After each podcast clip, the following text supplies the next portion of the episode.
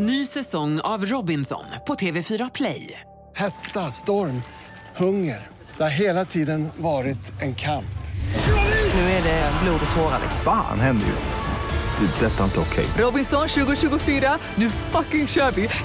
Streama söndag på TV4 Play.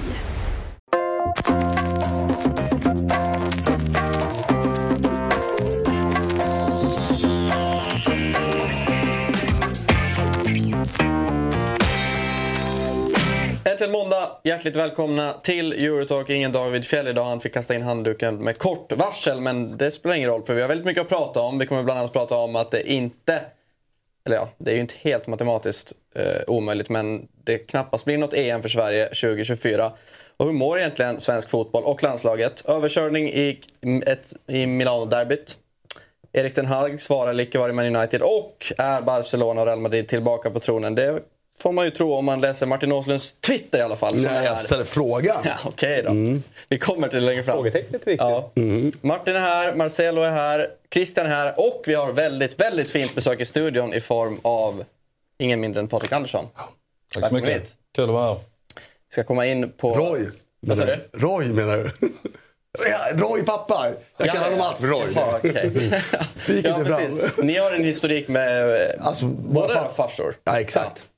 Så att, eh, Patrik brukar kontra med sanningen. Men... Ja, men så är det ju. Ja, det var det första du sa. Ja, nej, ja, det är ju min mellanbror som bär namnet Roy. Och Roy är ju från det franska, kung. Kung Fredrik. Men vad var ditt spanska namn där nere i Barcelona? Var det Patricio? Nej, men eh, ofta är det ju, tilltalas man ju med efternamnet ju. Så det är Andersson. Andersson. Ja. Och det är likadant i Tyskland. Liksom. Ytterst sällan eh, förnamnet. Ja. Och då, då har Barca ändå haft två stycken Anderssons. De hade ju även brassan va? Son, Sonny Andersson. Sonny Andersson, ja. Det stämmer. Det var det. Det var inte samtidigt väl? Det var precis innan. ju. Så han var ju med de två åren med van Gaal, har jag för mig. Ja, när exakt, man exakt. vann eh, mästerskapen där. Precis. Typ 97, Jag 98. bort honom. Från Lyon. ja. Han var ju fantastisk. Ja, han var en bra spelare, Ja, exakt. då har man blivit uppsnurrad någon gång. Du är väl den enda svensk som har vunnit och startat en Champions League-final? Väl? Nej, Jesper Blomqvist Ja, startade. Ja, han startade. Jeppe Han gjorde ju 70 minuter eh, i finalen då mot, mot Bayern. Ja. Just det. Det stämmer. Sen, start, ja. Sen Ljungan startade ju men torskade ju. Exakt, och Henke. Larsson. Kom in och, och vände. Så tre stycken i Champions Är League-tiden. inte det Jeppe alltid berättar den historien om att han passade bollen för dåligt till Keane i semifinalen. Så Keane fick ta ett gult kort med avstängning. Den är tung. Ja, Keane hyvlade honom med fotknölarna. Men Jeppe fick starta. Och då vann. Exakt, det var ju mycket avstängningar. Ja. ja, vi ska ju också bara säga det då. Grattis innan vi tar oss in på pratar lite svensk fotboll, landslaget. Grattis till dig Marcelo i dubbel bemärkelse. Det är Chiles nationaldag idag, 18 september. Och tre poäng mot Häcken igår. Ja, riktig skalp. Mm. Att, Vad, vad håller det högst? Chiles nationaldag eller tre poäng mot Häcken? Eh, nationaldagen. Ja, det gör det. Nej, jag vet inte. Jag ska inte ställa dem mot varandra. Om man, om man såg bilderna på slutvisslan ändå så det kändes som att då var du glad. Ja, det, Så, ja. Mm. Man gillar ju att vinna och, man gillar att, eh, och man gillar inte att förlora. Så att, eh, Nu det. är det fel klubb, men grattis i alla fall. Ja. Ja, men Bayern fick ju lite plåster på såren efter torsken mot Malmö. Nu gick man ju upp, tack vare upp i ledning i Åmåls. Ja, jag har hört den från, från lite olika håll och, och, och kanter. Liksom. Ja. ja, men ändå eh, starkt.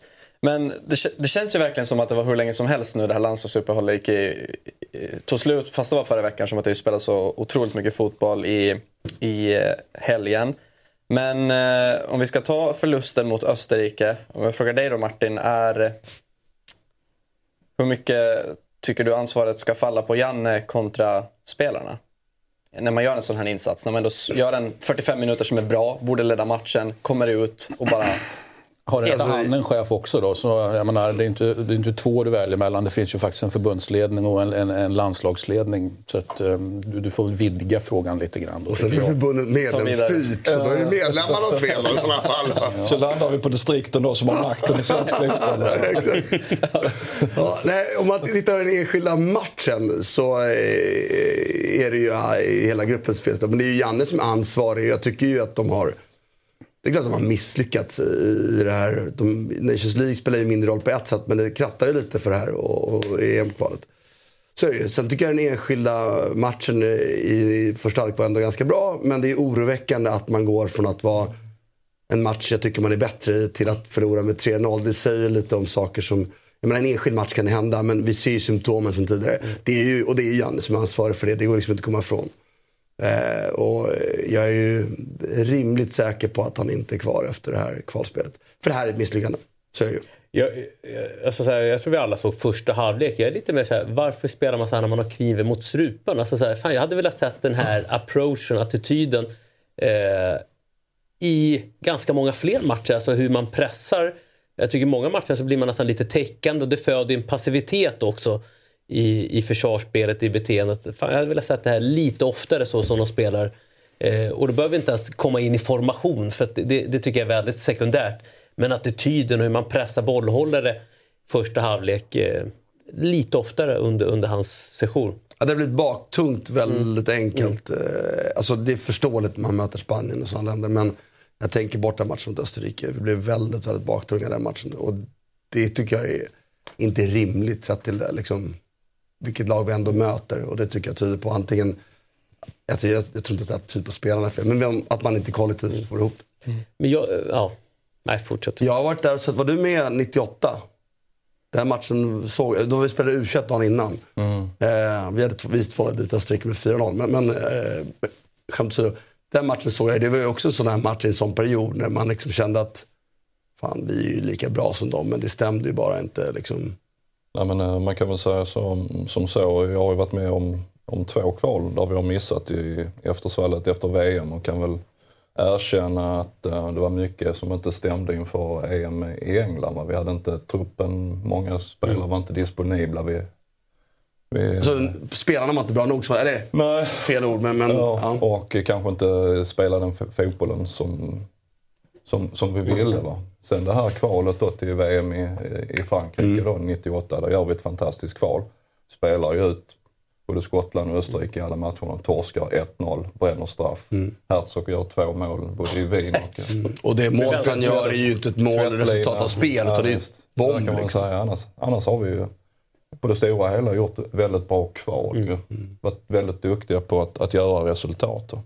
Men din bild av det här kvalet är väl inte att det var ett bra kval? Nej, men, nej, definitivt inte. Det är ju också så att eh, vi eh, har helt enkelt eh, de senaste året förlorat alldeles för mycket matcher. Jag tror det är väldigt viktigt att man måste liksom skapa någon form av vinnarmentalitet, känsla inom laget. Så att laget har en känsla varje gång att, att när man går ut att det ska krävas väldigt mycket om motståndarna ska slå en. Ehm, Ja, det är nästan omvänt. Och det kan man ju diskutera lite där. Personligen kan inte jag tycka att det var fel då i alla fall att man prövade i Nations League att implementera den. Att sen den implementeringen tyckte jag personligen var, var väldigt dåligt genomförd. Alltså hur bra förberedda spelarna var. Det var väldigt ihåligt på ett sätt som man inte behöver vara på ett systembyte. Spelar ingen roll. Det fanns ju de då, till exempel Lars Lagerbäck som jag stod och pratade mycket med då när jag jobbade med Stun, som tyckte det var helt fel att pröva det. För Nations League är tävlingar. Du får inte tappa just det som Patrik pratar om, den här känslan av att inte förlora. Eh, dessutom menade Lasse på att det var rankingpoäng som var viktiga. Om, och, liksom, och där kan man väl ändå säga att, att och, om, och jag säger inte att det var anledningen, men där började ju faktiskt det här fallet. Att vi faktiskt slutade ta poäng i matcher. Vi var, började bli lätta att slå. Om sen det är känslan eller om det är systemet eller om det är spelarna. Det Ja, nej, men det jag saknar kanske lite också, man ser, vi har ju väldigt många spelare ute i Europa idag. Va? Men om man tittar på den här grundutbildningen. Liksom, jag har ju varit i sammanhang där, där spelarna har en väldigt hög kvalitet. Vilket gör att man kan vara väldigt flexibel i form av eh, formation. När man tittar på okay, vilka, vilka spelare är i form, vilka är disponibla och, och vem möter man? Bara för att kunna formera den bästa elvan för dagen. Va? Det saknar jag väl lite. Vi, vi är väldigt inrutade. Så du hade sett för, och vi, jag säger inte emot det, men, men jag skulle jättegärna se att vi hade en tydligare spel. Jag bara, det finns ju väldigt starka krafter just nu som talar för att, fotboll, att vi måste gå tillbaka och spela en enklare och f- tydligare fotboll. Och jag tror att det, att blicka mot det, det historien tror jag är dumt i ett läge.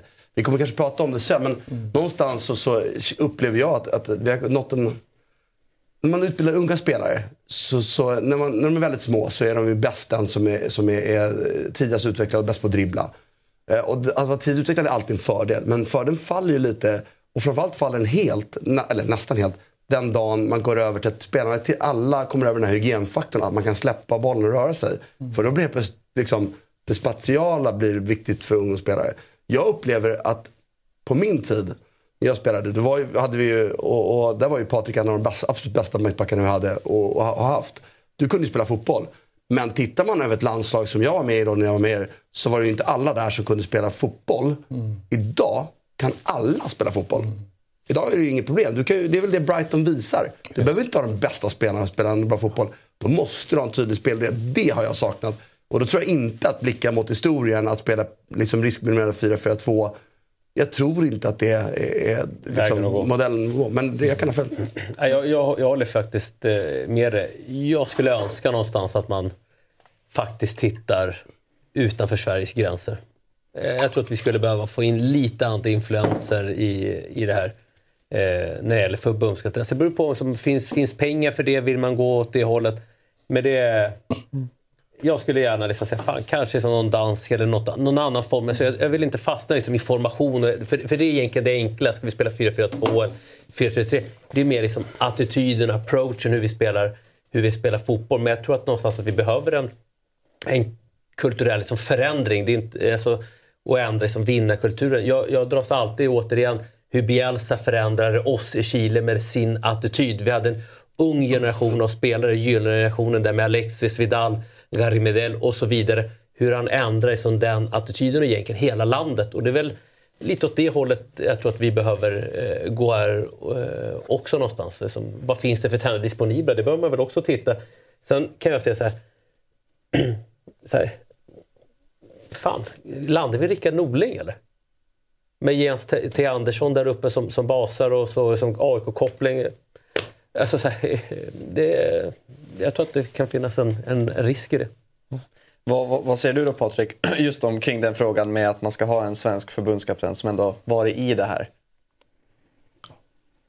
Jättesvårt, men vi pratar lite struktur. Hur är svensk fotboll uppbyggt idag? Om tittar då på huvudmannaskapet ligger på en styrelse. Hur är den bemannad idag då?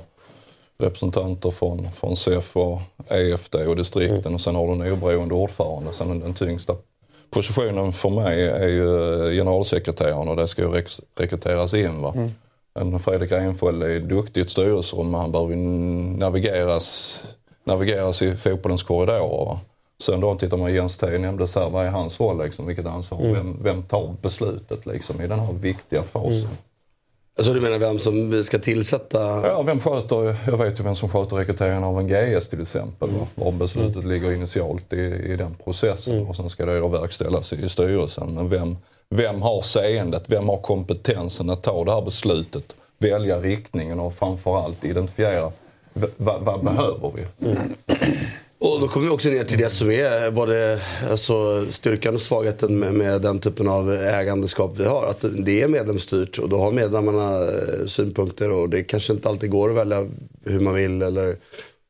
Och i ett landslag tycker jag, det, ett herrlandslag, ett damlandslag borde ju det vara otvivelaktigt så att man inte ska behöva ta hänsyn till, till eh, den typen av frågor som Patrik lyfter.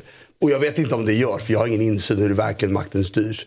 Det är väl en sak hur den är strukturerad, men- sen hur den verkligen utövas, det kan också ju, annat. vi har ju idag ju att eh, eh, distrikten har ju majoritet i vårt beslutande organ. Va? Och eh, det krävs en förståelse mellan elit och bredd. Va? Och många av oss har ju haft båda. Vi har ju börjat någonstans I och förmånen att uppleva elit. va? Men just att skapa den här förståelsen. Jag tror det är lättare från ett elitperspektiv att titta neråt än att breddverksamheten förstå vad det verkligen handlar om. Och att när vi pratar landslagsfotboll, det är tufft. Det är en selektiv miljö. Best of the best. Spelarna handplockas. Det är ingenting man bygger av utan man plockas för att vinna varje match. Det är det det handlar om. Klarar man inte det, då är inte tränaren kvar. Det är det krassa. Va? Jag har lite, just vi pratar om projekt inom elitfotboll. Man har inte den tiden. Ett Inte projekt. på A-landslagsnivå kan Nej, jag tycker inte heller på klubblagsfotboll. Jag menar, hur länge ska PSG ha ett pro- projekt? hur, många, hur många tränare offrar man på vägen? Va? Utan du ska vinna varje match. Det är det det handlar om. Du ska vinna titlar Champions League. Du kan inte bygga över fyra år och säga att jag har fyra år till. Nej, det funkar inte. Jag måste också säga det, och oavsett hur man landar i hur, vi styrs inte.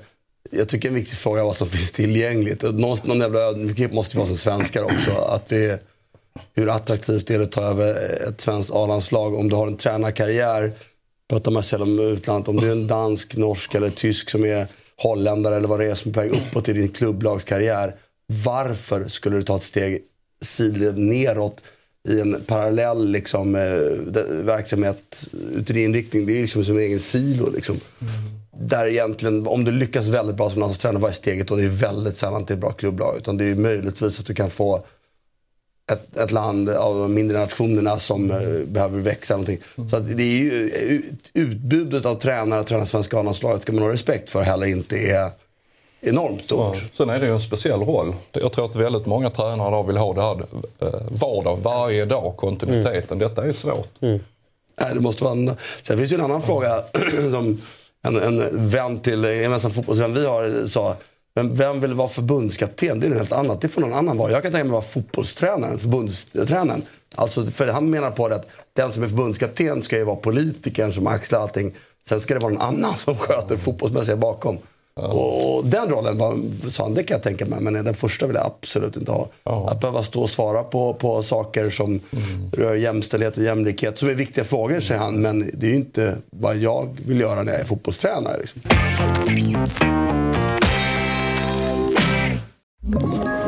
Ett poddtips från Podplay.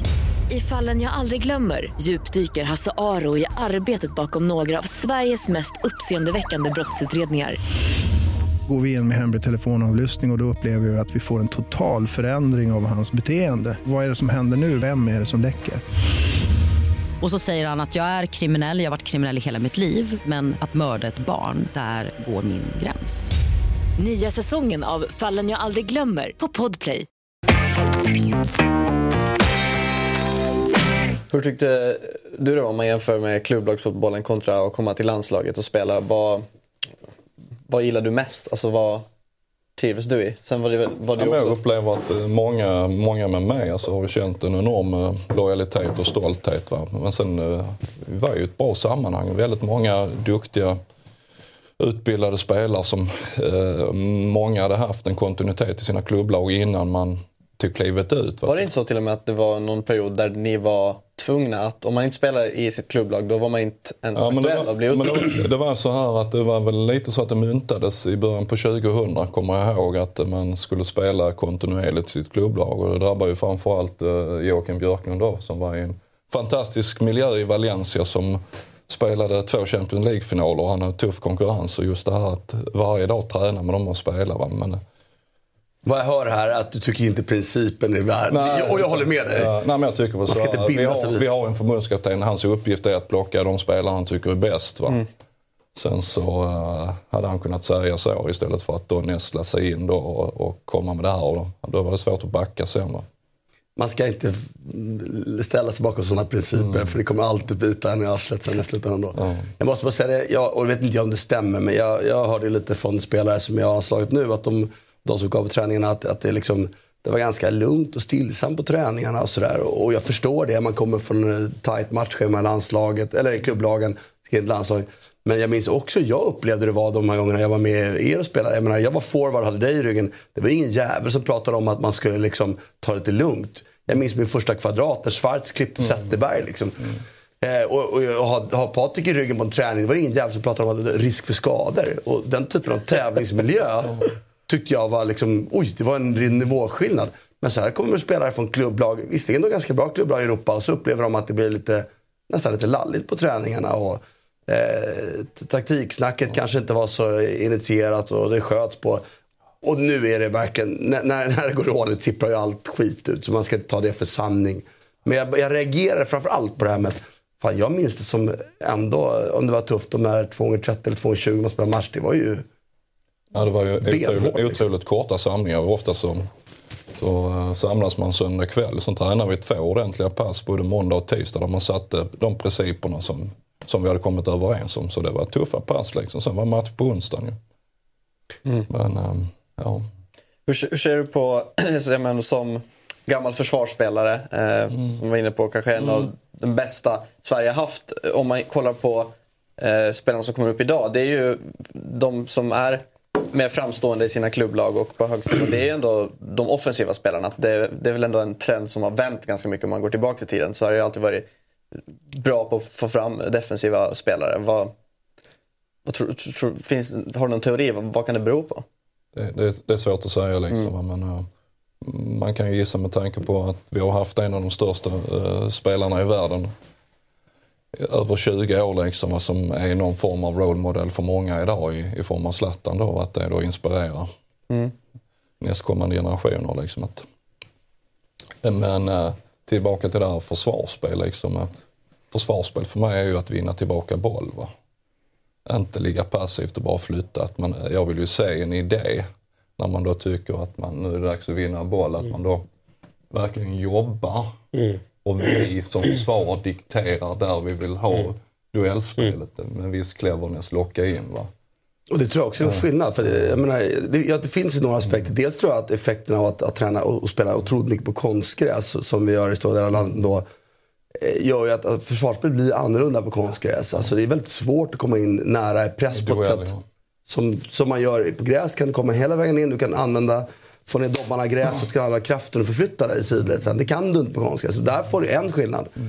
En annan skillnad är att jag tycker, jag, samma sätt som jag tycker att det är kul att se hur många ungdomslag har spelat väldigt liksom, fo bra fokus på att spela hög press och hålla i bollen. Eh, så är det så man utbildar spelarna i, i pressspel. För jag kan också se när jag ser ungdomsmatcher att oj vad många det är som är dåliga på att försvara sin bakyta och förstå den här avvägningen av att nu går vi press, vi tappar vår press. Aggressiv återövning, jättebra, jättebra idé hur man ska vinna boll. Men motståndaren kommer bryta det. Ibland, ibland gör man fel så de kommer loss. Och det är de dåliga på att hantera. Och det tycker jag är en sån sak som vi lite inför den här matchen mot Österrike. Titta första mötet i Skahien. I flera tillfällen tycker jag liksom Oj vad dåligt han identifierar. Vi pratade om det inför matchen. Nu. Mm. Här, hur låter han identifiera att vänta, nu är det inte läge att, att stänga en yta. Nu måste jag falla. Alltså, och det, den typen av utbildning verkar ha gått förlorad lite. Och svaret blir kanske för många då, ja, men då står vi lågt. För då behöver man inte tänka på det lika mycket. Men då tappar man kanske en stor del av vad de, alla de andra utbildar i och pressar framåt. Sådär. Och kanske lite det Patrik säger, då styr man inte själv längre riktigt helt ödet vad man gör. Ja, sen, just, sen, är det svårt att säga. Liksom. Just när vi pratar just det offensiva spelet också. Eh, den här, jag vill ju se en tydlighet. att Har vi spelare då som vi tycker gör skillnad, till exempel en Isak, en Forsberg, Kulusevski. Men vad, vad är planen liksom? I vilken position vill vi sätta dem i spel? Gärna så att de har kortast väg till, till, till, till mål eller till situation. Va? Men det saknar jag en tydlighet. Va? Sen upplevde jag att vi hade ju väldigt fina kombinationer inför mm. målen mot, mot Estland och likaså här. Va? som man kanske inte har sett på väldigt länge. Men just det här att man märker liksom att det går att läsa av. Vad är tanken när vi har bollen i, i backlinjen till exempel? Hur öppnar vi upp vägarna framåt? Och vad är målsättningen när vi väl sätter igång spelet framåt? Det, det, det har jag saknat. Mm. Vad skulle du säga är den, om du sitter och kollar på fotboll idag på den högsta nivån, eh, vad är den största skillnaden på en mittback under din prime, eller när du var i din prime kontra idag? Nej men uh, Martin var ju inne på det, du måste ju vara komplett idag. Komplett menar jag liksom. Du måste dels kunna vara en väldigt duktig försvarsspelare men du måste också vara den som, som sätter igång spelet. Du måste ha en bra passningsfot. Liksom. Så Jocke Björklund hade haft det tuffare idag? ja, men, Jocke var grym. Han, han, ja, så, han hade ju enorma spetskvaliteter mm. där han var Otroligt snabb. bra. Va? Och då, vi kom ju långt med det att vi kompletterar varandra. Liksom, mm.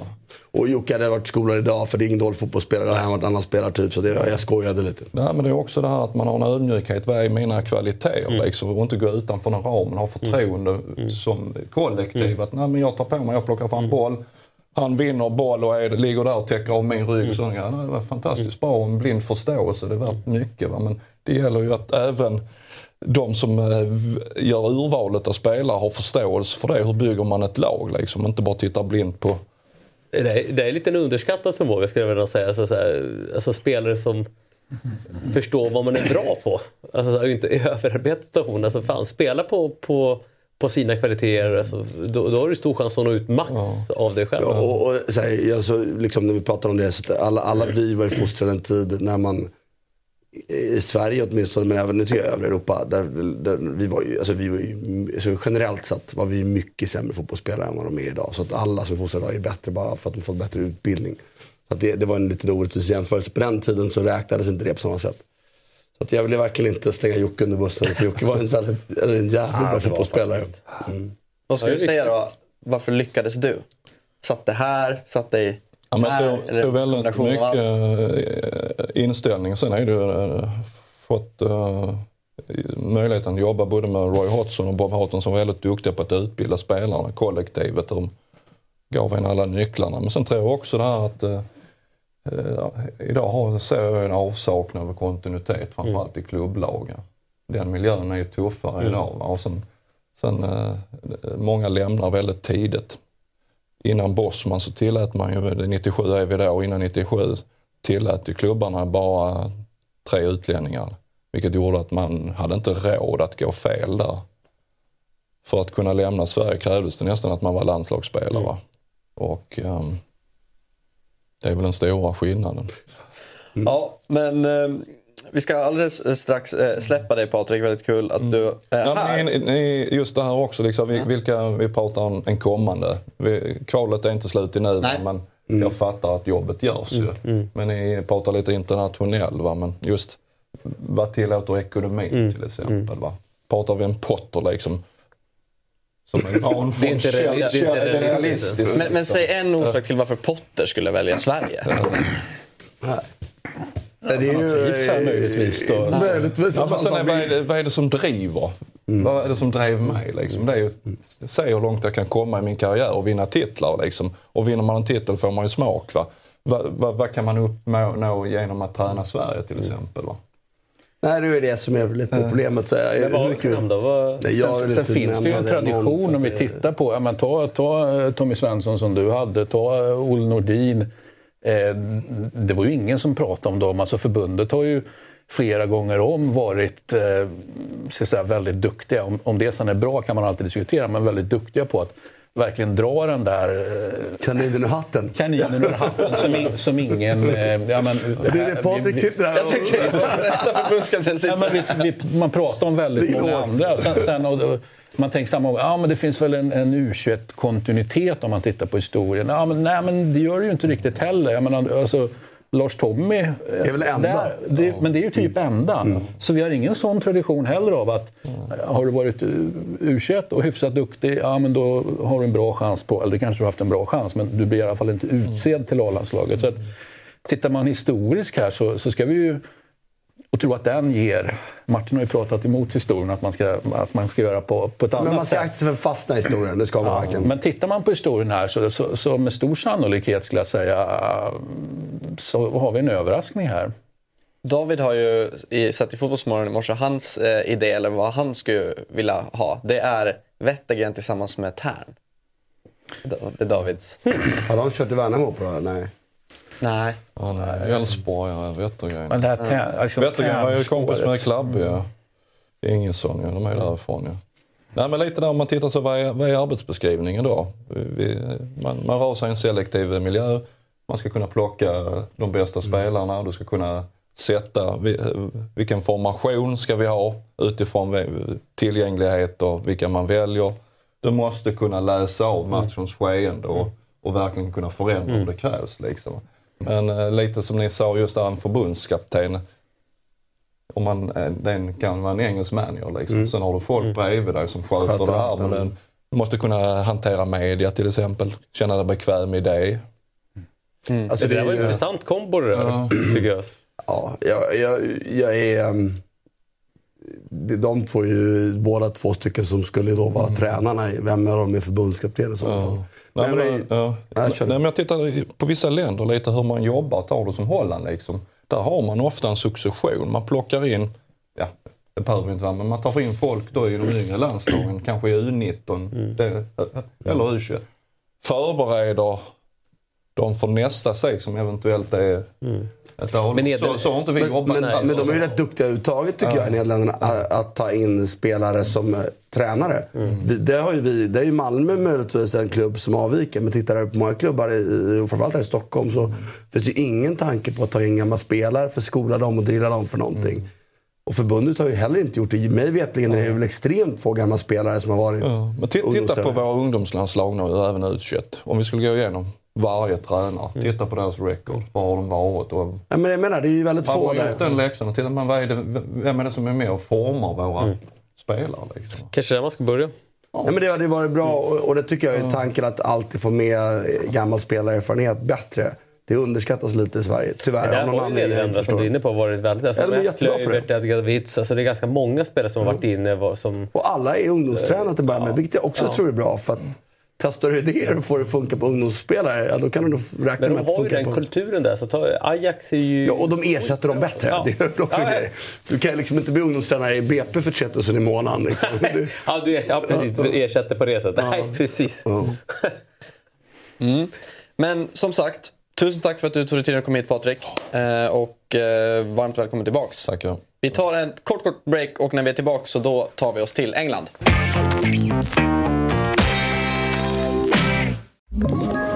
Ett poddtips från Podplay.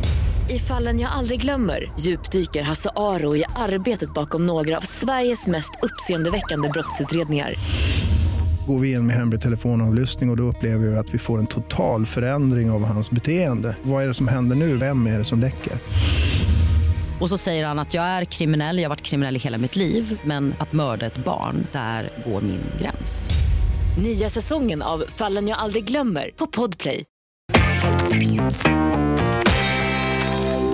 Vi var inne på det lite kort här precis när vi pratade Manchester United, Martin, eh, angående Ten Hag och om man skulle åka på en plump på onsdag i München. Tror du snacket börjar, kommer, kommer det verkligen eh, att ha tagit sig så långt då att, det, att han verkligen hänger löst? Jag vet inte. Jag, jag tycker att det är, jag ställer mig starkt frågan till att han är, har de kvaliteter man tror att han har. Jag tyckte under förra året att eh, givet att man, alltså, för det första, ingen annan spelartrupp var lika dyr som Manchester United var förra året. Så redan där har han ju misslyckats bli trea och inte vara en titelstrid. Men han tog över ett lag som var i kris, eh, får man väl ändå säga relativt sett, och, och, och förflyttade det, förflyttade reaktionerna Alla, till, alla tittar ner på bröstkorgen och flyttar sig in i studion. Ja! Och jävlar. Så fort någon som får kontroll ja. då Martin att ja, det är nu det är jag. Och det är aldrig jag.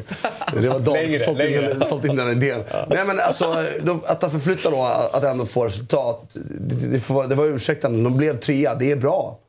Givet utgångsläget var. Inte givet i förutsättningarna ekonomiskt. Men en del av de kostnaderna som gör att klubben var dyrast förra året är ju för spelare han själv inte har valt. Men han har valt väldigt, väldigt dyra spelare. Och de han har valt tycker jag inte är bra nog. De är alldeles, alldeles för dyra. Och det inkluderar Lisandro Martinez tycker jag. Eh, och det är ett problem för dem nu. För att vad som händer nu är ju med ägare som... Det finns ett, ett sätt för ägare att se till att klubben har mer pengar att eh, satsa på, på sina spelare inom ramen för Financial Fair Play. Det är att man gör kapitalskott varje år. Jag minns inte om de är 30 miljoner euro eller 50 miljoner euro eller om det var pund. Poängen är lite att, att Uniteds ägare gör faktiskt inte och där kan man kritisera dem. Huruvida de tar räntor och sådana saker och utdelningar Visst, men, men den stora grejen här tycker jag är att de faktiskt inte skjuter till pengar för att skapa utrymme. Och när de har då för dyr spelartrupp så är utrymmet kappat. Så mm, om han får gå, den som kommer in kommer inte ha något stort utrymme på något år att göra så stora förändringar. Eh, med det sagt så tycker jag att truppen är bättre än vad de spelar. Och det är ju där det landar i för mig. Var är spelidén? Nu har vi sett ett år och jag kan fortfarande inte se en tydlig spelidé som en stor förändring mot Solskär. Det är fortfarande på Solskärs sätt, det vill säga ligga lågt och ställa om, som man är som absolut bäst. Man har blivit bättre i spelet bakifrån, men jämför det med ett lag som Brighton. Och vi kan, och jag tycker vi behöver titta på takt, vi kan absolut göra om ni vill det sen. Men eh, titta på Brightons lag. Lamptey, som är en outcast från Chelsea. Dunk, som ingen någonsin tänkt på van Häcke. Han är fortfarande bra nog tycker jag egentligen. Veltman är inte bra nog att spela den här serien. Gross, eh, Schweiz Bundesliga. Dahoud är en Bundesliga-spelare, men han är inte ordinarie i Dortmund. Ja, din grej är ung lovande, absolut. Lallana är ju en outcast som är för gammal och skadad spelare. Mittoma är någon de har fyndat via sin klubb i Gillois. Och Welbeck. Som är- de här kan spela fotboll. Och dessutom gör De Serbi sex förändringar från den senaste Exakt. matchen. Jag ska säga, en stor Och jag, skillnad också jag tycker att jämförelsen med Serbi kan bli orättvis. Förlåt. Men Jag ska bara avsluta det med, börja med långa ranten här. Men det är faktiskt så att det går inte nu. nu, nu för mig är det liksom, jag kan med väldigt stor trygghet eh, fatta, fatta, bilda mig uppfattningen att det här, den här har det inte. Han har inte det som krävs för att bygga ett lag, ska spela bakifrån och spela bra fotboll. Hur han gjorde i Ajax vet jag inte. Men, men det här är, utvecklingen är inte bra nog helt enkelt. Och, men om han är kvar året ut eh, så, så, så tror jag att de får svårt, utan att stå för den i januari, att nå Champions League. Inte för att de är så mycket sämre än förut, för det är de inte. De är fortfarande ganska bra. Men Brighton är bättre, Tottenham är bättre. Chelsea bör väl ändå vara bättre. Liverpool är bättre. Och City, alltså... Newcastle.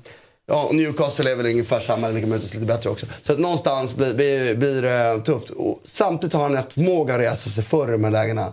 Jag har tänkt mitt huvud att shit, nu är det kört.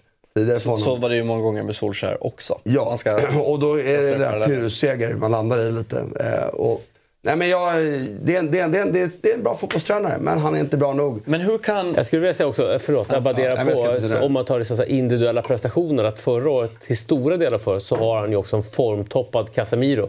Nu ser han ju bara eh, brass, brass, Brasse eh, hu- semesterkung. hull- hullig ut, eh, stor röv och så här, bara, "Nej, men fan, jag är i England, kallt, grått. Och det, så, det, det ska jag säga, så här, det, det är en stor anledning till att de ser ut som de gör faktiskt. Eh, sen gör de, bygger de ju på samma sätt ibland, att de flyttar upp sin mittback som sexa och, och, och så vidare. Liksom. Men Så jag pratar på det, jag ska bara se om jag kan få...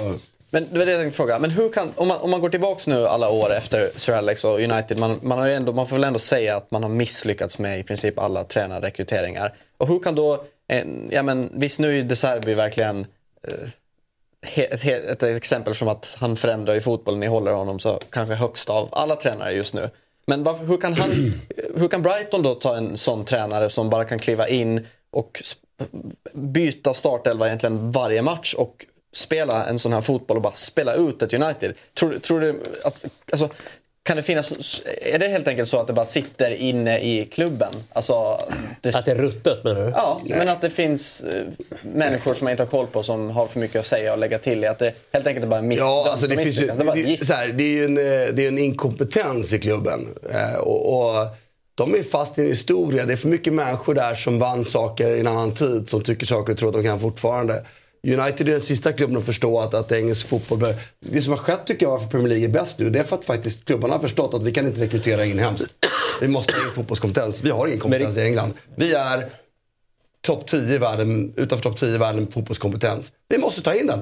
Men United har varit sämre i det och tar de in någon så är det fortfarande, och jag är ledsen, eh, Scholes Keane-typerna som sitter och pratar om saker som jag tycker känns lite förlegade. Men, men eh, ja, förlåt. Nej, jag, jag tror också så just eh, när vi tar Ten Hag, alltså, jag tror att det fotbollsmässigt är en jäkligt kompetent eh, fotbollstränare. det måste ju vara. Ja, men det, det är klart han är Jo, det. alltså, det är vi, klart vi, det. vi pratar jämförelse med andra på toppnivån. Vi pratar inte med jämförelse med, med att träna... Nej, men självklart Mm. så, så, så jämför vi honom med andra tränare i de högsta ligorna. Det är jättekompetent. Det man däremot, som jag kan tycka utifrån, eller som vi kanske inte ser, det är ju ledarskapsmässigt. Hur är han som ledare? Alltså är han sådär envis nederländsk? Ja, det kanske fan inte alltid, det, kan, det kanske inte klickar med den här gruppen, men klickar det med gruppen i Ajax där det är en helt annan liksom, hierarki, tränare och så vidare. Så det, det kan vara, I många delar kan det faktiskt vara en ledarskapsfråga. Alltså, och inte alltid en fotbollstränar, taktisk, teknisk fråga. Tror jag, varför man inte får ut allt max av en grupp. Alltså man kan ju inte jämföra situationerna rakt av såklart. Men just det här med Ten Hag och Sancho, att han har haft struligt både eh, kanske utanför planen. Man vet ju inte allting och sådär och nu är han inte med i gruppen. Och om man eh, drar parallellen till Tottenham och Richarlison då som efter eh, uppehåll med Brasilien var öppen i intervju och sa att ja, men jag kommer, det, har, det har varit tufft, jag kommer träffa en eh, psykolog, jag kommer prata om det här. Och Postekoglu satt ju i presskonferensen innan och pratade om det här också. Att spelare är ju också, vad man ska säga, människor och man behöver den hjälpen och sådär. Who in their life doesn't have something that's stressful? I mean, I've, I've lived 58 years now, and there's never been a time in my life where everything is perfect. You know, I lost my father three years ago, and he should have been here for the journey. So I've got to deal with that. Everyone, and that's just me talking personally, but everybody, everybody in this room at this moment, you could be one part of your life could be flying, and but there'll be something. It Could be a family member, it could be a health issue, it could be a financial issue. There's always something, and, and footballers are not immune from that. And sometimes I think they fall into the trap of thinking they are, and they're not, because just because you have, you know, money or, or, or you're really good at something. Um, life will still find a way to keep a balance in that there'll be stuff in there that that's going to be stressful, it's going to be upsetting, and, and you've got to just deal with that, you know. At times think, well, he's a footballer, he's got money, what's he got to complain about? You know, well, of course he does. Jag tror mycket mer på... Tror, ska jag säga, men jag gillar ju mycket mer den mänskliga liksom. Han känns mer alltså, human. Alltså. Ja, men också så skönt att sitta och lyssna på den här australiensiska eh, hans snack och så. Och, ja, men, och sen också, Det visst det är feel Charles som good startar ut matchen. honom. Ja, och så hoppar han in, han gör 1-1 på övertid, assisterar Kulusevski till 2-1 vis- och man vänder i hundrade minuten. Det, är så, det känns Ja, verkligen men det som säger väl dagen- någonting Ja. om momentumet de är Så inne är det, Det är ju inget som... Jag menar, det är klart att det är helt underbart att vara i den bubblan, men det är ju också... På söndag får vi se. Klockan två. Möter de Arsenal. Mm. North London Derby, Christian. Och jag håller med dig, de är i momentum. men De är också bra, de förtjänar sitt momentum. Det enda, och det hävdar jag igen då. Jo, jag säger inte att de man släpper inte till för mycket. momentum, men, men eh, alltså, det här är ju ett exceptionellt momentum. Ja, ju... de, de bör bli avklädda av Arsenal på söndag, jag tror det. Mm. Därför att Arsenal är tillräckligt bra för att spela bort dem i sitt sätt att spela. Och dessutom får vi se då. De pressar ju en slags man-man dem då. Det är lättare att sätta. Eh, och de, men de har man också spelare för tycker jag. För spelare för spelare är ju Arsenal bättre. Så att det blir en otroligt spännande match att följa. Men visst, jag, jag, jag, jag, jag, jag säger inte att det ena är bättre än det andra eh, i det korta perspektivet. Som vi hörde med Patrik var med tidigare. Att det är så alltså, det är ett kort pers- perspektiv när du är elittränare. Liksom. Du kan inte tänka tre års utvecklingsprocess som tränare. För då är du inte kvar. Utan du måste hela tiden ha nutid också. Och där tycker jag i alla fall sätt att vara, jag gillar ju den. eh, Jag, jag gillar den mer mänskligt än Det kom ju statistik i veckan här eh, med, med hur länge de sitter i snitt i de stora. Som, som jag tittade lite grann och så konstaterade jag vad siffran var. Och så, ja, men jag, jag måste kolla lite grann här på, på Italien. Kan man fundera på varför de inte sparkar så mycket då. Men, men det är ju faktiskt så att nästan hälften av, av tränarna i Serie A har faktiskt, är inne på sin tredje säsong eller mer. Låt oss återkomma till det när vi kommer till Italien sen. För jag har en tes på det där som har hänt. Ja, eh, för lite pengar kan ju vara ett svar. Ja, det är ju ett svar. Men det, ja, Ja, vi ska, det är ju absolut, vi ska precis dra lite det. Jag, jag vill bara säga, jag, tycker, jag måste nog tycka att det snyggaste målet från helgen är nog kanske Arsenals mål. Ja, jag tänker. Jag säger inte Ja, det går till Saka, snett bak till Trossard. Alltså, Ah, du vet hur ja, han nej, ja, vinklar nej, den är lägger den det är det svåraste om Ja, verkligen. Men det är otroligt snyggt. Ja, nej, och, och verkligen starkt av Arsenal. Och vinna på Goodison, för det har ju inte varit någonting man har gjort så mycket senaste Även om tiden. de hade svårt att skapa målchanser i Arsenal. Och det skulle jag...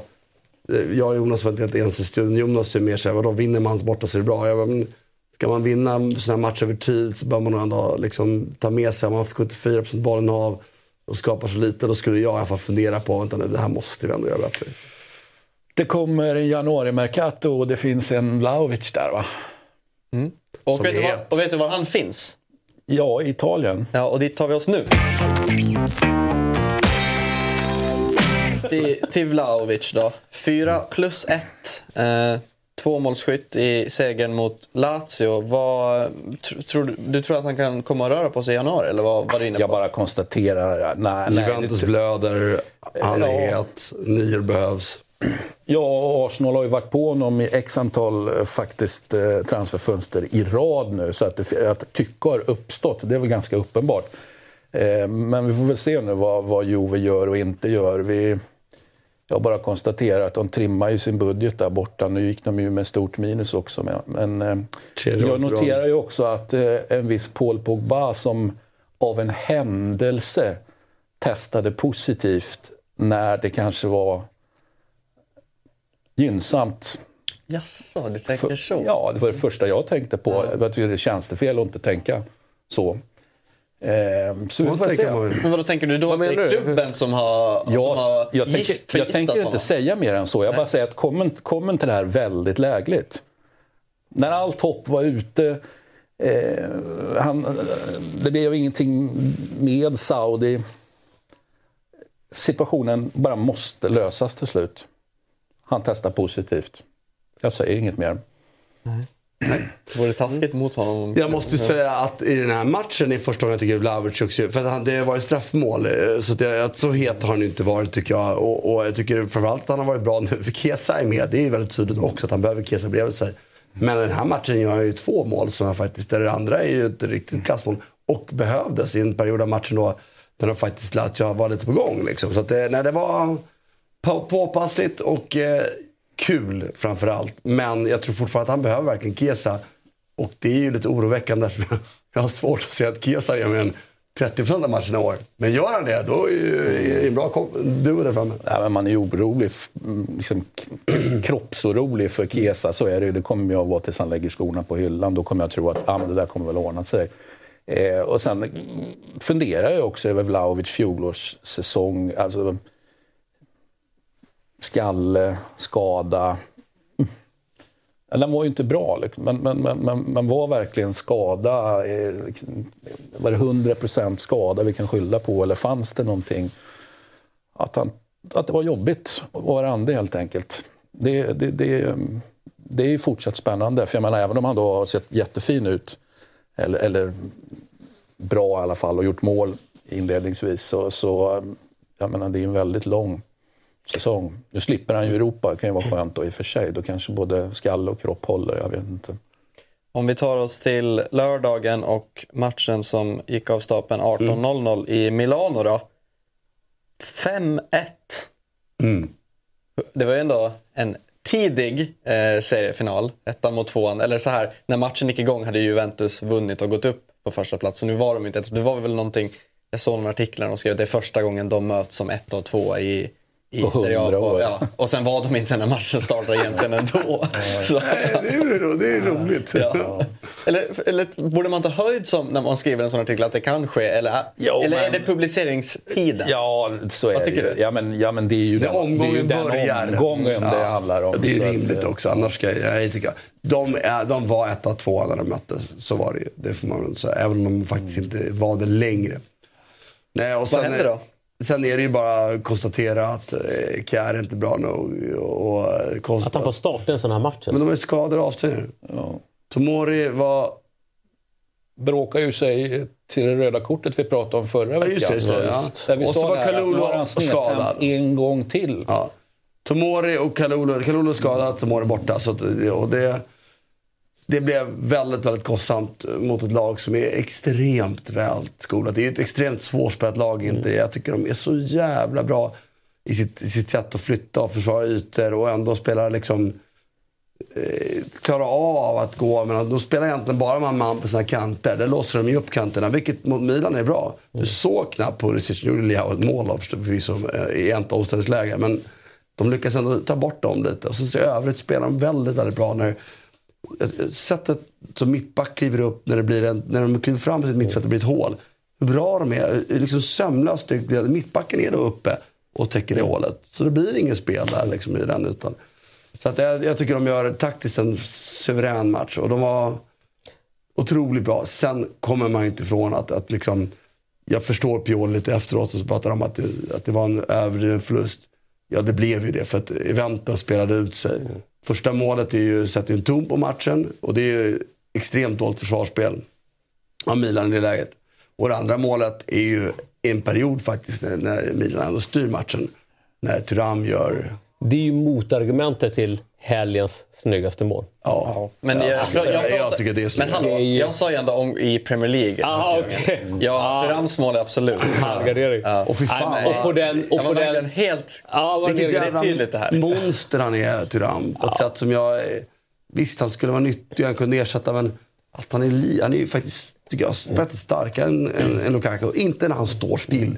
Då är Lukaku Lite obeskrivlig. mer mobil också. så- Mycket mer mobil. Liksom. Och så är han ju rörlig och atletisk på ett annat sätt. Jag tyckte han var... Ja, det är klockrent. Alltså, och det är inte på vilken målvakt som helst han gör det jävla målet också. Så Magnan är, alltså, är och där, men han är ändå där. Ja, men han är ju där. Det, Alltså, eller hur? man kan inte begära mer. Nej, det Ja, går ju inte. Det alltså, går det, inte. det, bra sätt. går en, decimeter, ja, fan en halv decimeter, då, då, Men- då styr han ju bort den där Titta också på det målet, liksom, hur det förspelet är. Liksom. Milan håller ändå boll mycket. Och- Och Kjär stöter direkt upp i rygg på, på, på, på Lautaro. Och uppfattningen som Lautaro har när han spelar den bollen på en touch bakom till, till eh, Dumfries. Och Dumfries direkt när bollen är på väg sticker ju. Och där liksom spelsmartheten i hela den aktionen tycker jag är otroligt kul att se. Och, och då Mycket att vända göra på, det målet. Ja, alltså, det, man kan alltid- Dumfries får ändå assist på den. Ja, men, men, men liksom hur man ser då att i momentet när Kjär kliver fram så är det ju faktiskt då Tiao, säger man så, mot, mot, eh, ja, Thiao mot, eh, mot Thuram. Och så kommer ju så sticker ju, och Hernandez är ju inte med på det. För det är väl ändå han ska fånga upp den eh, när, han, när han drar Ja, då. precis, precis. Eh, Dumfries. Dumfries skulle jag säga. Dumfries, ja. Men eh, ja, liksom, och det är klart, jag tycker att det är liksom, skulle man vända på det, står man så högt så måste man i cash situation kanske fatta att jag kan inte gå rygg på honom. Men samtidigt är ju hela aktionen, du vet när han kliver, från bollen kommer till Lautaro spelar på en touch. Det är en svår passning, svår att se. Det är extremt bra Många fotboll. har ju det lite i ryggmärget. Fan, spelar upp på en felvänd, fan upp och, upp och känn där. Eh, tvinga bakåt, annars får de vända upp och så får Ja, de... Alltså, visst. så att det, Uff, Och- den är, och där- den är delikat jag, alltså. Nej, men jag, därför tycker inte jag att Kaj är fel egentligen. Jag bara liksom... Nej, men det är och Hernandez ska, lyssnar, ska eh, hantera det bättre och läsa det fortare. Men, men det är framförallt tycker jag extremt snabbt uppfattat av Inter. Mm. Och då står det 2-0 och sen blir det en match. Det jag reagerar på Milans del är att när de gör 2-1 så tycker jag inte de kopplar några grepp sen. Då hade jag förväntat mig att nu jävlar, nu fick de momentum. Det målet får de ju på en omställning. När Inter faktiskt går bort sig. Jättefin boll av Theo Hernandez upp i fötterna på, på Giroud. Som bara tar emot den på... Och då, då, och då helt plötsligt ser man ju varför Inter spelar lågt. Liksom. De skulle aldrig klara av att hantera liksom, det är ändå Darmian vi pratar om. För det är väl Darmian han springer ifrån. Eh, Men de är ju otroligt... Alltså, så här, fan, de är svåra i intermöten. Så fort de gör 1-0... Svåraste laget i ja, Och så ligger de med 5-3-2. Och så du som anfallande lag tänker ja, men du skickar upp båda ytterbackar. Då lämnar du fan dina mittbackar en mot en i praktiskt taget. Liksom. Eh, eh, eller två mot två blir det ju. Men, eh, och där, Ja, men där är de ju starka. Ja, en, ja, exakt. Eh, precis, tack. Du förstod det. Eh, så att de, de är ju otroligt eh, så, svåra att möta på det sättet. Alltså, de är, som du är inne på, liksom också defensivt otroligt eh, väl, eh, väl eh, oljade. Liksom. Men samtidigt får man ju säga, vilket det är ju stora delar, jag säger inte eh, hela elvan, men, men alltså det är ju stora delar av Inters lag som, som är i en otroligt fin form så här, just nu. Där jag, jag kan tycka att det är jättekul för Lautaro till exempel. Jag kommer, alltså, VM, Mm. någon. Alltså, bara, visst, och han hade skadekänning och han var väl var tydlig med att han hade det. Men det såg ju bara så bedrövligt ut och man bara kände att Ångestladdat. Vad är, vad är det här för någonting? Och så ser man honom må så bra nu. Han ser ju mo, mogen ut. Och, Men han det har gett honom mycket att han, fått, att han går runt med binden. Ja, men också att han får komma ner och, och möta och länka Det är genidraget. Ja, det, det, alltså det är mycket möjligt. För det, Men ändå varit, det- väldigt- han väl ändå, det har ju varit väldigt mycket upp under de senaste säsongerna också. Han har varit ganska kritiserad. Och, Jo, men han, har ju haft, han har ju haft argumentet, ett annat argument emot, eh, som, som jag i alla fall alltid har haft, det är ju att han har hamnat i väldigt mycket sjok. Eh, lite, lite för mycket sjok för, för att vara den där pålitliga Mm. Ja. Det, är- det, det, är liksom, det är alltid, det tycker jag, alltid, för mig i alla fall, alltid är ett orostecken om, du, om du hamnar i för mycket sjok. Det är bra att göra mål, mål är bra, men, men liksom, skit i hattricken och, och, och skit i att göra mål eh, fem matcher i rad. Utan sprid, kanske sprid dem över, över tio matcher istället. På, mm. Sen också att i, i landslaget, när Messi kommer ner i länken så behöver du ha nio som sträcker på dem. Och det är klart att han kan göra det. Men Julian Alvarez är ju bättre i det. Och Lautaro blir ju nästan bättre när han får vara, får lite större spel. Kan sticka iväg ibland, men också lite länkande. Som, där har han ju Thuram bakom. Som går, eh, han hade eh, Lukaku förra året som också faktiskt var mer djupledsorienterad än vad man kan tro. När laget har bollen. Och vad är det för, för trebackslinje man gör det med då? Eh, Nej, det är exakt. Nödlösningen Darmian, jag, jag, jag hävdar fortfarande att han är, sen att han är en formtoppad nödlösning, det är en annan femma. Men Pavard Men ska lik förbannat Ja. nödlösning. Mm, det den, den då ständigt bespottade Acerbi. som- 36 år gammal. Ah, I love him. Eh, helt underbart. Och den som då liksom skulle vara bäst, eh, men som hade en ganska kass fjolårssäsong. Men jag tycker ändå Bastoni är bäst när det verkligen Bast- och han är ung och allt det här. Jo, men är det väl- men man tänker så här, det, det, det är ju liksom det är ingenting du skrämmer barn med direkt om man säger så. Och, och, och, och jag tycker att den är så...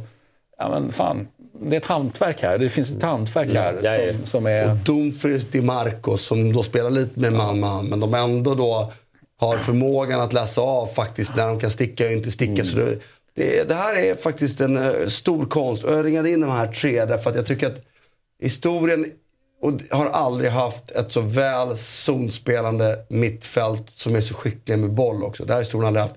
Och det är naturligt att historien aldrig haft det. För att tekniska nivån är mycket högre än vad den var för tio år sedan. Så det, jag menar inte att relativt sett kan det ha varit så. Men att ha tre stycken mittfältare, Chalanoglu, du har Mkhitaryan, du har Barella, du tog in Fratesi.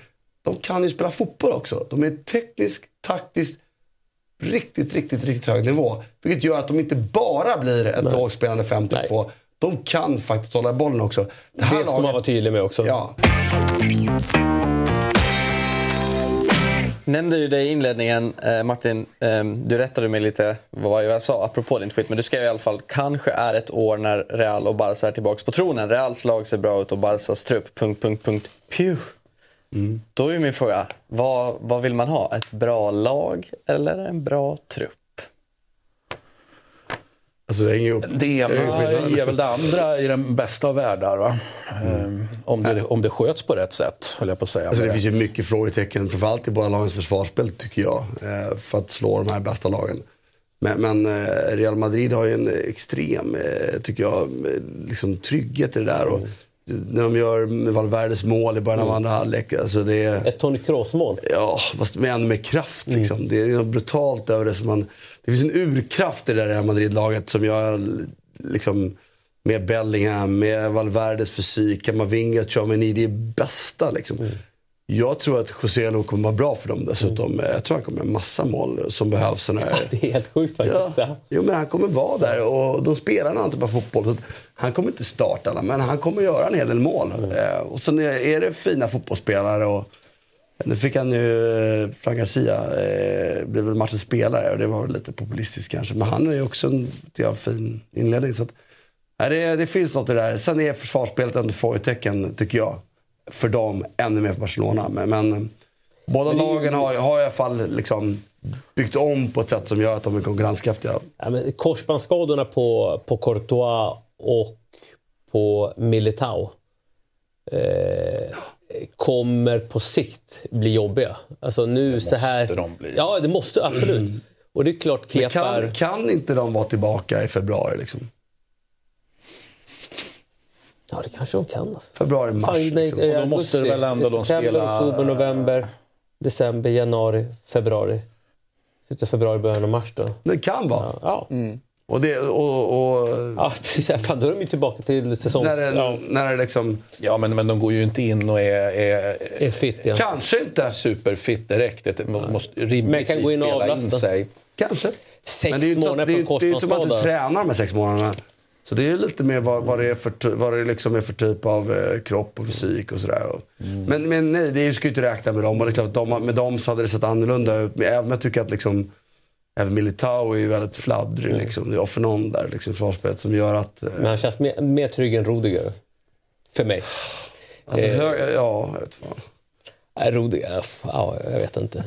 Nej, det är väl det att Rud- Rudiger, när, när det går fel så går det jävligt fel. Ja, liksom. det gör, det gör. Militao, Militao är ju upp, upp och fladdrar och jagar och liksom jagar sig Han är också fladdrig. Det, det är han. Det är som en ung Sergio Ramos. Liksom. Så att, nej men eh, visst. Men det är en, det är en, em, det är en ny vändning. Alltså någonstans är det som så här, fan, det bygger ett självförtroende men det är ändå så här, lite Real Madrid. Där jag säga, ah, men fan, nu har vi problem. Och så, Vill gear up. vi, så kan vi. Ja, exakt. Ja, det är farligt ju. Ja, För motståndarna. Ja, för alla utom dem. Ja. ja det, exakt. Ja, för, för motståndarna. motståndarna. Nej, den tryggheten de Det- har när de, när de bara Ta är inte ledningen för tidigt. det- Nej, nej. Det, det där, förlåt, jag, bara en egen reflektion. Det där, det där hade vi en match förra året när jag var tränare i BP när vi mötte Linköping. Så. Och då är offensivt det absolut bästa laget i damer. Och, vi gör 1-0 efter fem minuter. Jag tittar på mina, avbytare- eller på, på min assisterande. jag bara, Det var för tidigt. Vi förlorade med 5-1. Men för, Det var för tidigt. tidiga mål Ah, är, är, livsfarliga. Alltså. Men alltså, Jos- Joselo, han måste ju vara ändå... Fan vad bra hans liv måste vara just nu. Ja, men ändå det- liksom landa i Real. Benzemas ersättare, folk skrattar väl lite åt det och, och sådär. Och, Men han har gjort, så att- Leverera. han har gjort en 15 ligamål två säsonger rad med två lag som åkt ur. Så det är ändå en sån... Ja, det är ändå en- en vass ju- han gör ju målskytt. mål Ja, landslaget också. Och nicken är ju Ja. klass liksom. Så att, Sen har han ju en storlek som, som spanska eller La Liga mittbackar ändå inte gillar. Liksom just den här fysiken. Alltså det, det var ju en av anledningarna till att en sån som nu är det ganska många år sedan, men jag kommer att Fredrik Canoté pratade om det. Fan, han, han kom ju från en ganska medioker sejour i, i Premier League och en ganska medioker anfallet till att bli liksom stjärna i La Liga. Alltså bara för att han hade liksom en, en jävla storlek. Och han kommer göra 15 mål i år i ligan. Fast, Ja, han, inte spelar, fast han inte spelar så mycket. Ja. Så Det, det, kommer vara viktigt. Från, och Så ska vi in i det här också. Och, och Barcelona, när han är tillbaka. Barcelonas lag är ju... Jag tycker det är brutalt. Alltså. Vad är det för startelva de ställer upp med som är den roterade startelvan? Ehm, det är bara ett frågetecken för om Araujo, Christensen och Condé håller mot de absolut bästa. Alltså om någon är borta. Men Romeo ser bra ut tycker jag och Gavi de Jong och då ska du då in spelare som Pedri någonstans också. Du har Torres, Joao Felix, Lewandowski, Rafinha, du har eh, Jamal. Lamine Jamal. Cancelo, är ju, jag tror Cancelo kommer vara brutalt bra. Men är Brutalt inte, bra, är inte Christensen som ryker den där backlinjen mot Araujo? Sen finns också Inigo Martinez. Alltså det är, Dessutom Inigo Martinez ska man inte- Ja, nej. det är en bra mittback. Alltså det, det enda är, det är ju Romeo som jag ställer så här, "Uff, är det? Där pratas det om, event, eh, alltså nu, ganska tungt nu, att man i januarifönstret kommer gå för Guido Rodriguez som sitter på utgående i Real Betis. Eh, liknande spelartyp. Och vilket jag tycker är så lite, ganska intressant att man går åt mer det fysiska eh, på, den, på den positionen. Och inte mot en Sergio Busquets kopia. Men jag måste säga att, att jag håller med om att, att är Busquets spel med bollen är, är de ju inte nära. Men de är ju bättre i det defensiva. Och jag tycker inte det här laget, och med de avbytare de har, jag tror inte att de kommer ha problem att skapa målchanser. Jag, jag är större fan av Jean Felix än vad du är. Jag, jag, jag tror på honom och han har någonting med sitt flytsteg. I det här Barcelona-laget, alltså, nej, det här kommer bli... Eh, Jag tror att det här, det här är det här ett, det är ett jättetest för, för eh, Joao Felix. Att, alltså att han, har- han eh, har en enorm talang. Alltså det vill jag bara understryka. En enorm talang. Det jag tycker har problemet med honom det är att det som, han har inte haft kontinuitet i sina topprestationer. Alltså vecka in, vecka ut. Varit bra tre, fyra matcher, en kortare period och sen kanske varit en skada. Eller så har han gått ner sig. Nu, nu spelar han ju ändå i ett lag med ett, en spelstil som passar honom. Eh, bättre än vad det kanske gjorde i Atletico de Madrid. Så kan han få kontinuitet i det så kan han ju bli ett jävla monster. Alltså, jag vill bara vara tydlig med att det kan bli ett jävla monster. Eh, alltså gå åt Neymar-hållet när han var i, i Barca. Så det, den, jag tror att han har en enorm höjd. Men eh, han måste ju leverera och prestera vecka in vecka ut. Sen tycker jag att det är jäkla roligt med, eh, roligt med Ferran Torres. Eh, någonstans en spelare som eh, köptes in för lite dyra pengar, fanns lite frågetecken. Eh, vi bland annat här Nej, men jag kanske, tyckte det var kanske mer du. onöd, ja, onödigt köp från pengarna när man har begränsat utrymme. Det var väl det som var kritiken. Ja. Liksom. Men, men, men k- någonstans har knutit näven och liksom åt och spela till sig en, en, eh, en plats här. Eh, Sen kommer det ju roteras och det behöver redo göras. Men ta den här matchen, du har Gundogan på bänken, du har Pedri på läktaren, Araujo på bänken. det, ska också in, så att det, det är ganska många, många gubbar Men som... många, många trupper i, i världen håller samma nivå som Barcelona sa? Jag tror- ingen gör det på samma, så många spelare. Så att, det är klart att kravbilden har ökat för Xavi nu. eh, Att liksom, det här är, med den truppen så tycker jag att en semifinal i Champions League är rimligt att ställa krav på. Liksom. Apropå Ferran Torres eh, frisparksmål. Det, han blev alltså första Barcelona-spelare att göra ett frisparksmål sedan Messi för 867 dagar sedan. På en felträff ska tilläggas. ja. Sa han. Jag skulle sätta den över muren. Så uh, halkade han till och gick den runt. Så att, eh, det var... Nej, det är faktiskt... Vad sa du? Hur många timmar var det? 867 dagar. Dagar, inte Ta det, ta det gånger Det får du Ja. Ja, Det är den så har jag inte... jag ju- på huvudräkning. Man rycker ju till lite, det måste Ja, man det faktiskt säga. är otroligt, eh, otroliga siffror faktiskt. Ja, apropå Messi då, han gjorde alltså 50 frisparksmål i Barcelona, två i PSG har gjort, eh, 10 för Argentina. Han har en conviction rate på 9,1 procent, så han gör ju mål då var tionde frispark. Ja, det är otroligt. Han har gjort ett i MLS också som inte är med här. Det är jävligt snyggt. Och igen då, apropå eh, Messi, han missade ju helgens match eh, mot Atlanta United och passade på att eh, har du sett Christian vart det ska komma? Nej, jag han, jag är trött han unnade ju sig en pizza eh, som han la ut på sin Instagram-story. Ja, i helvete. Det är deg, det är tomat.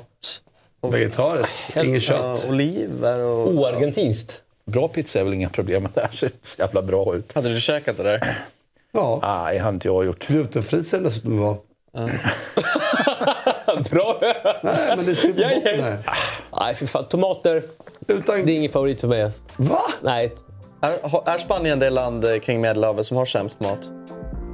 Grekland, herregud. Här blir det lika... Du har lyssnat på en lite kortare variant utav Eurotalk i och med att du har poddlyssnat. Om du vill se hela programmet så finns vi på Dobb-TV. Eurotalk alltså där för 49 kronor per månad, årskort 599 kronor.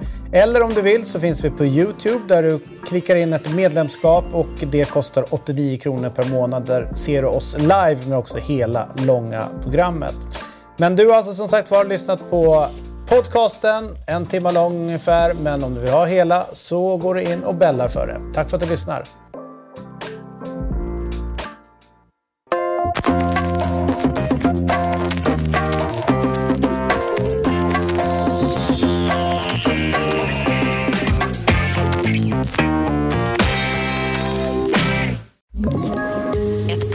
Från Podplay.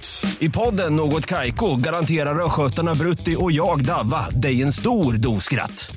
Där följer jag pladask för köttätandet igen. Man är lite som en jävla vampyr. Man har fått lite blodsmak och då måste man ha mer. Udda spaningar, fängslande anekdoter och en och annan arg rant. Jag måste ha mitt kaffe på morgonen för annars är jag ingen trevlig människa. Då är du ingen trevlig människa, punkt. Något Kaiko, hör du på Podplay. Därför är gardinerna.